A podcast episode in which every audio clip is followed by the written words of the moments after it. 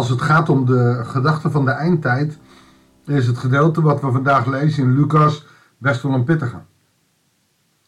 Het voorzegt, het voorziet niet een voorzichtig iets waarmee je hè, dan zo langzaam en je kan nog wat ontvluchten of je kan nog ergens heen gaan. Nee, het zal een drama worden.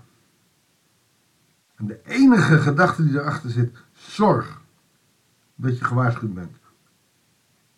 Zorg dat je verwacht dat Jezus morgen terugkomt. En als je ziet wat er voor zijn wederkomst gebeurt, wees dan bedacht op grootse drama's in de wereld. En ik kan je wel vertellen, als ik dat zo lees vandaag, dan stelt twee jaar lang corona niets voor. Het zal een teken zijn, maar het is nog lang niet dat wat voorafgaat aan de wederkomst. Als je Lucas moet geloven. Laten we hem daar maar gaan lezen en Lucas zelf aan het woord laten. Goeiedag, hartelijk welkom bij een nieuwe uitzending van het Bijbelsdagboek. We lezen Lucas 21, de versen 20 tot en met 38. Wanneer jullie zien dat Jeruzalem door lege troepen omzingeld is, weet dan dat de verwoesting van de stad nabij is. Dat betekent ook dat als die verwoesting nabij is, dat God dus zijn handen terugtrekt, omdat het volk weer eens een puinhoop laat zijn. Wie in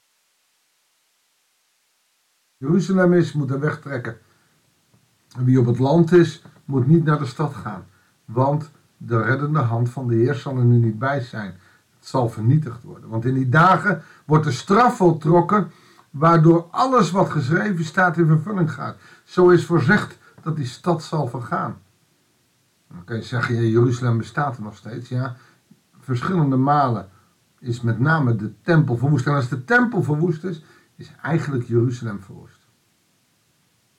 Jeruzalem, waar ook het oude Jeruzalem nog volop staat, heeft één groot probleem. De tempel staat inmiddels op grond dat van de islam is. Dus de tempel nooit op dezelfde plek gaan herbouwen. Feitelijk kun je zeggen dat Jeruzalem niet bestaat. Natuurlijk staat de stad en ook de nieuwe stad En ook als je het hebt over de terugkomst op de Olijfberg, er is geen ruimte, volgebouwd. Misschien dat de letterlijkheid hiervan nog wel eens aan de tand gevoeld kan worden. Maar laten we verder kijken. Want het zal rampzalig zijn voor de vrouwen die in die tijd zwanger zijn of een kind aan de borst hebben. Waarom is dat? Zouden zwangere vrouwen hard gepakt worden? Nee, maar als je een kind aan de borst hebt of zwanger bent, dan kun je niet zo hard weglopen. Dat geeft aan dus dat het plotseling zal gebeuren en dat het ontzettend moeilijk is om daaraan te ontsnappen. En als je dus een zwak iemand bent en een vrouw die zwanger is of net een kind heeft gehad, is een zwak iemand, want je hebt een last mee te dragen, dan zal het ongelooflijk moeilijk zijn. Want het land zal in diepe ellende verkeren en een zwaar vonnis zal de bevolking treffen. De inwoners zullen omkomen door het zwaard of overal in, heen in gevangenschap worden weggevoerd. Terwijl Jeruzalem vertrapt zal worden door de heidenen. Tot hun tijd voorbij is.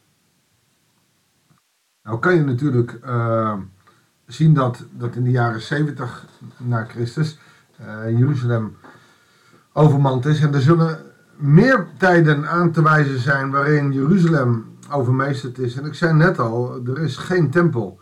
Dus het hart van Jeruzalem is weg. En dat betekent heel veel.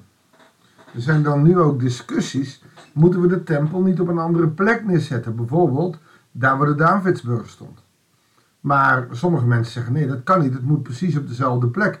Daar heeft hij altijd gestaan. Daar heeft Salomo hem neergezet.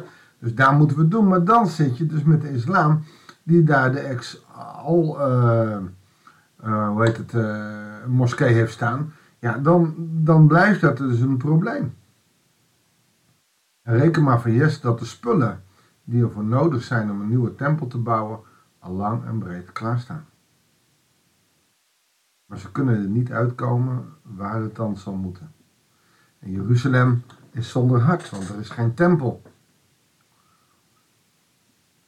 Dan gaan we over van de afbraak van Jeruzalem tot de wederkomst van Christus.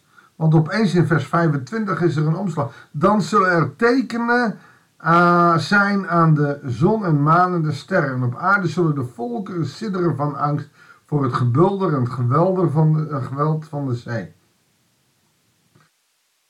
In is niet alleen maar met Israël, maar dan zal de hele aarde en het hele universum ongelooflijk staan te shaken op zijn grondvesten. En waarom is dat? Omdat Jezus terugkomt.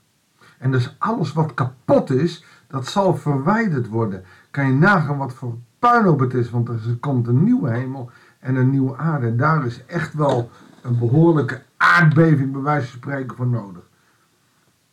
Mensen zullen bezwijken van angst om wat er met de wereld zal gebeuren, want de hemelse machten, zelfs de hemelse machten zullen wankelen. Nou, je weet, als het goed is, weet je dat als de maan uh, nu uit zijn baan zou gaan, dan zouden we hier op aarde uiteindelijk niet meer kunnen leven.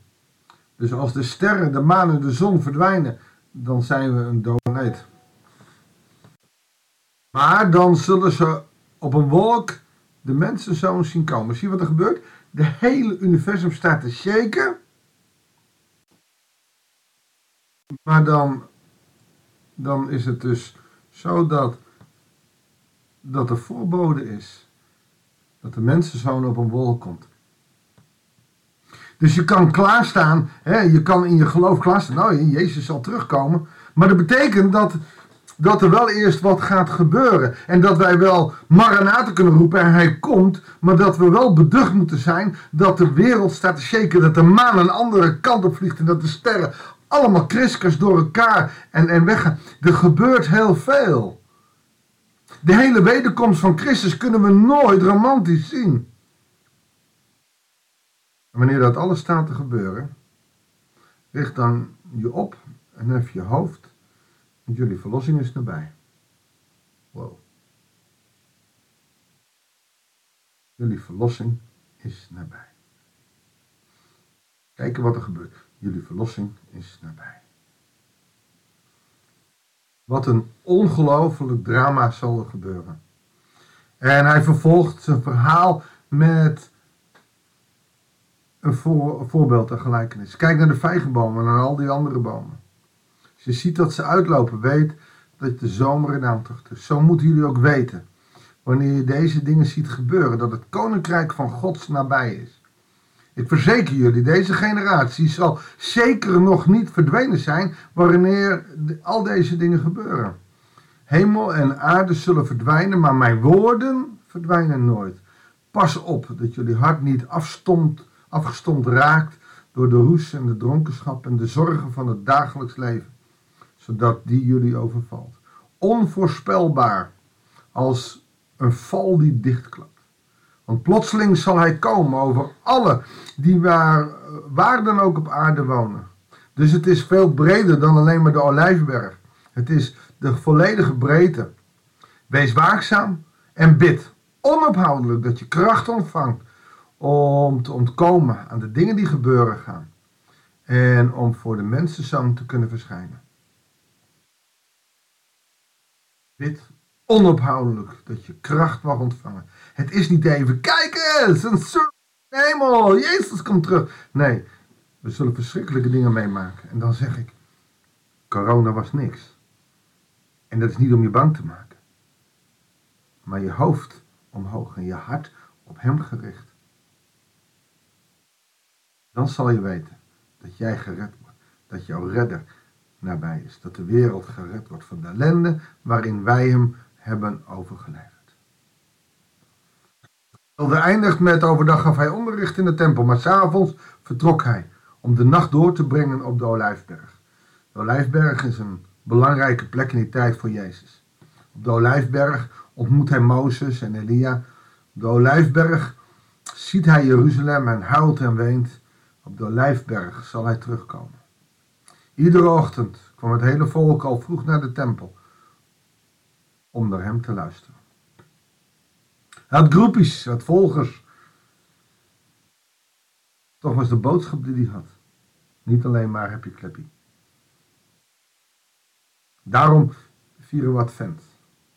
Even weer terug, hoe zal het zijn? Oh ja, hij komt als een kind. Want dat kunnen we snappen. Maar ditzelfde kind, wat komt met Advent?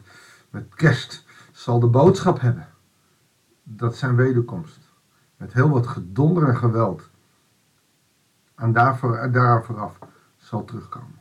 Maar ons hart en ons hoofd moet gericht zijn op boven, op God. Dan zul je gered worden.